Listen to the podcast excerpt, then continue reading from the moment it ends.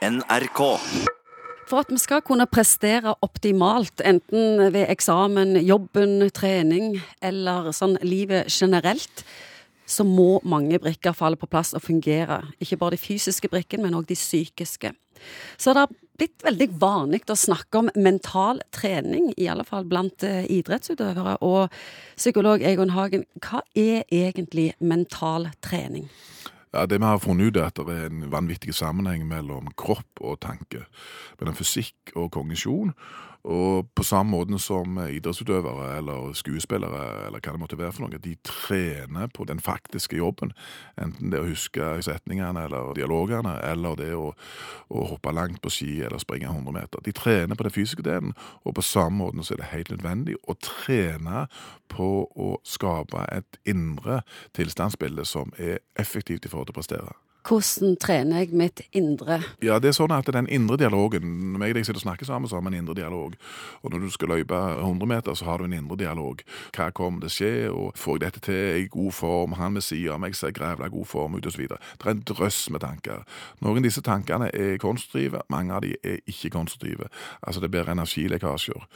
Og det som på en måte er noe av den røde tråden i sånn moderne mental trening, det er at du prøver både å stenge ute alle de tankene som er negative, og så prøver du å ha et ensidig fokus på oppgaven. De oppgavene som du har trent på, og bare gjennomføre de. Og ikke tenke på resultatet, men bare å gjennomføre oppgaven. Stenge ute alle disse mulige distraksjonene som kan påvirke prestasjonen.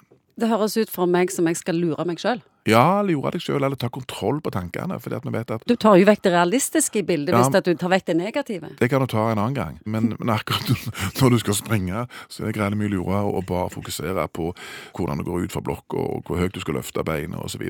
Du skal fokusere på det.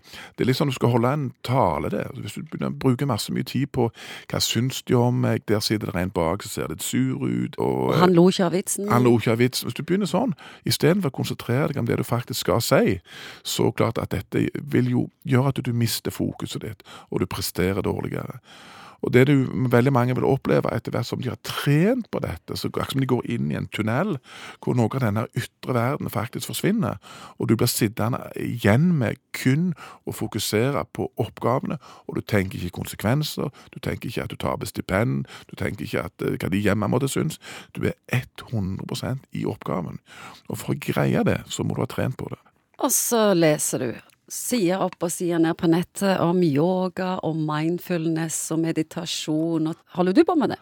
Nei, jeg holder ikke på med det, men det er mange andre som gjør det. Hva tenker du om det?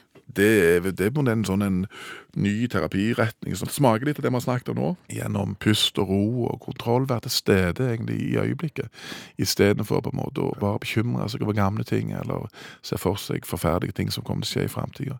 Så det er en måte faktisk å jorde seg sjøl og forankre seg mer her og nå i noe så enkelt som pust, eksempel. Og det er forstandig. Tenk på en mann virkelig der, som river og sliter i oppmerksomheten vår kontinuerlig. Mobiltelefoner som piper i et kjør, mailer som piper i et kjør. Og vi tenker og vi tenker, og forskere anslår at vi tenker et sted mellom 12 000 og 15 000 tanker hver eneste dag. Og de har òg funnet ut at de aller fleste av disse tankene er negative. Ja, negativ- tenker du om ja, det? Ja, vi tenker mye tull. Og, vi, og det er jo litt paradoksalt på mange måter at i den tiden vi lever i, at vi må trene oss på faktisk å være til stede i verden. Nå har kanskje folk nettopp stått opp, eller noen sitter i bilen og på vei til jobb, eller er arbeidsledige, har sine små liv rundt forbi. Kan du si noe om mental trening til de?